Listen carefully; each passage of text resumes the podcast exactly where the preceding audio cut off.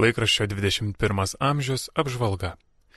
Naujausias 21 amžiaus laikraščio numeris pradedamas kanauninko Andrėjaus Sabaliausko reportažu iš Telšių, kur praėjusią sekmadienį paminėtas Telšių vyskupo Algirdo Jurevičiaus 50 metų jubiliejus. Po vyskupo aukotų padėkos šventų mišių katedroje nusidrėkė ilga sveikintojų eilė. Laikraštyje vėl nemažai vietos skiriama karui Ukrainoje arba su Ukraina susijusiai tematikai. Viena tokių - šventė Vilniuje esančioje graiko apieigų kataliko švenčiausios trejybės bažnyčioje, kur vyskupas Arūnas Paniškaitis pašventino stebuklingąją Dievo motinos ikoną. Ja pagal Dailės akademijos profesorės Rūtos Janonienės archyvose rastą kopiją nutapė ukrainietis dailininkas Igoris Kistečiokas. Švenčiausios trejybės bažnyčioje melsis renkasi ukrainiečiai. Dabar tarp jų esama ir pabėgėlių. Mindaugas Buika laikraštyje 21 amžius spausdinamame straipsnėje Ekumeniniai taikos ypatumai apžvelgia popiežiaus Pranciškaus ir Rusijos stačiatikių patriarcho Kirilo nuotoliniu būdu vykusi susitikimą. Vatikano komunikate nurodoma, kad popiežius Pranciškus ir patriarchas Kirilas pokalbyje pripažino išskirtinę dėrybų dėl Rusijos ir Ukrainos svarbą, kad būtų pasiektos paliaubos, sudaryti koridoriai civiliams gyventojams evakuotis. Šventasis tėvas pabrėžė, kad didelę karo kainą sumoka taikus gyventojai bei rusų ir ukrainiečių kariai, patiriantis praradimus, žūstantis nuo bombardavimų.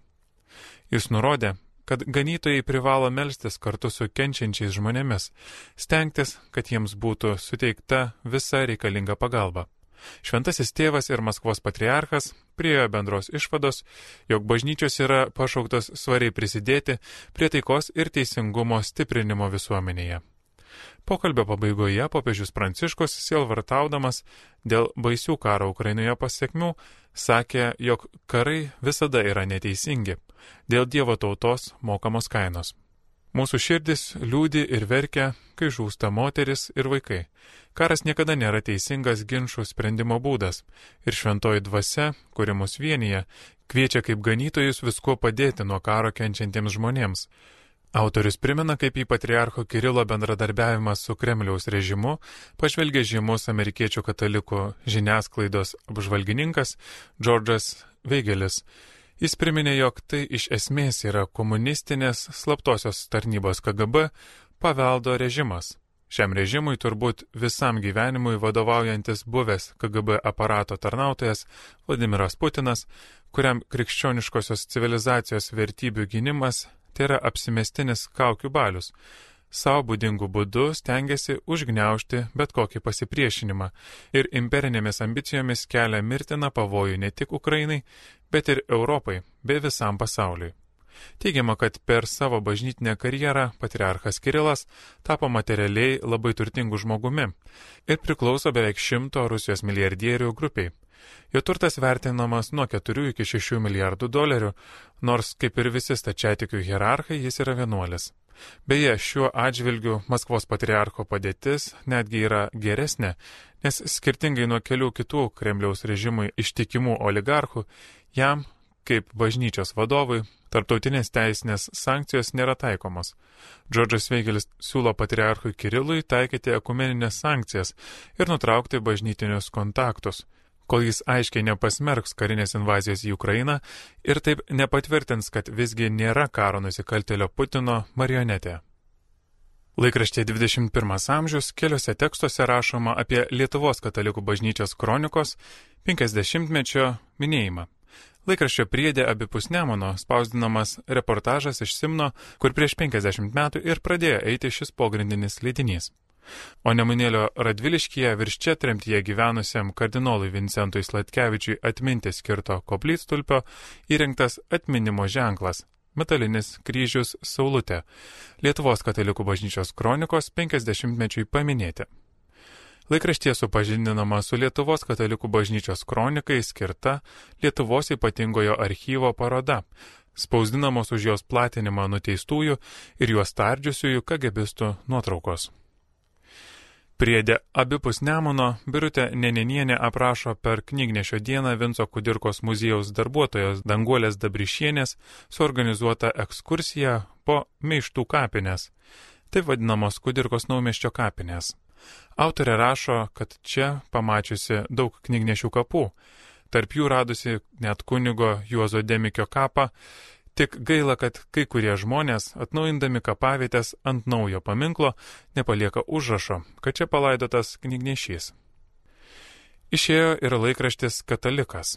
Jame tiesiami kunigo Jono Paliuko pamokslėliai apie išpažinti.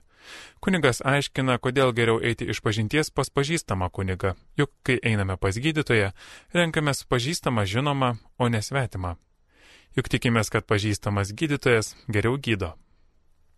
Laikraščio 21 amžiaus apžvalga parengė laikraščio redakcija. Žurnalo Jėzuitai apžvalga.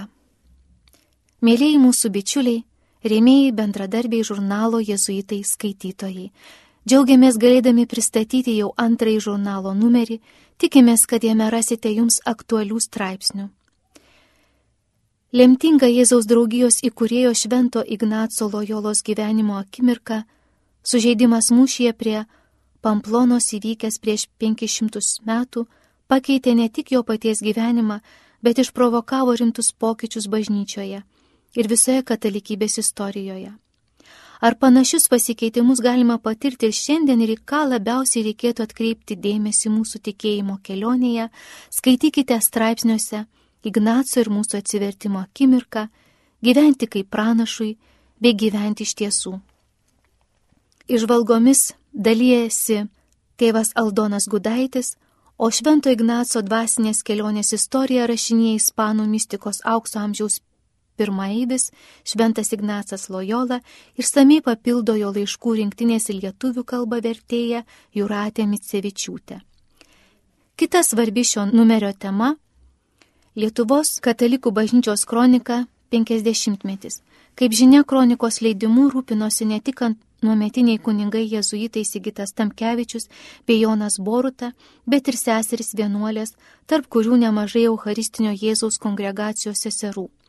Viena iš kronikos leidėjų sesutė Bernadeta Mališkaitė šiais metais apdovanota laisvės premija, straipsnėje apie tiesą ir laisvę apmasto sąsajas tarp šių svarbiausių kiekvieno žmogaus gyvenimo principų. O Sesuo Danguolė Gervytė pasakoja, kaip kilo mintis parengti jaunesniesiems skaitytojams skirtą knygelę, pristatančią Lietuvos katalikų bažnyčios kronikos istoriją. Apie tai, kaip jezuitai tęsia savo misiją šiandienos sąlygomis, įtraukdami ją bendradarbius pasauliečius, skaitykite rašinyje, palaiminto Jurgio Matulaičio misiją Junktinės Amerikos valstijose Dievas nebėra duotybė.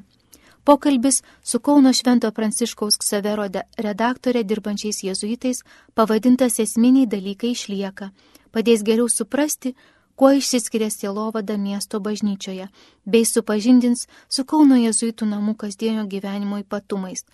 Tarptautinės Latvijos jėzuitų bendruomenės nariai šiame žurnalo numeryje pristato vis labiau plėtojama savo paštalavimo būdą pasitelkiant medijas.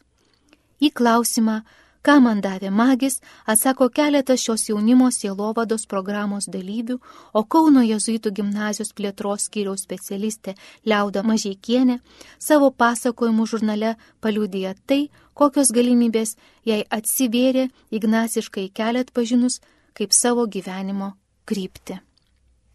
Girdėjote apžvalgą, kurią parengė žurnalo redakcija.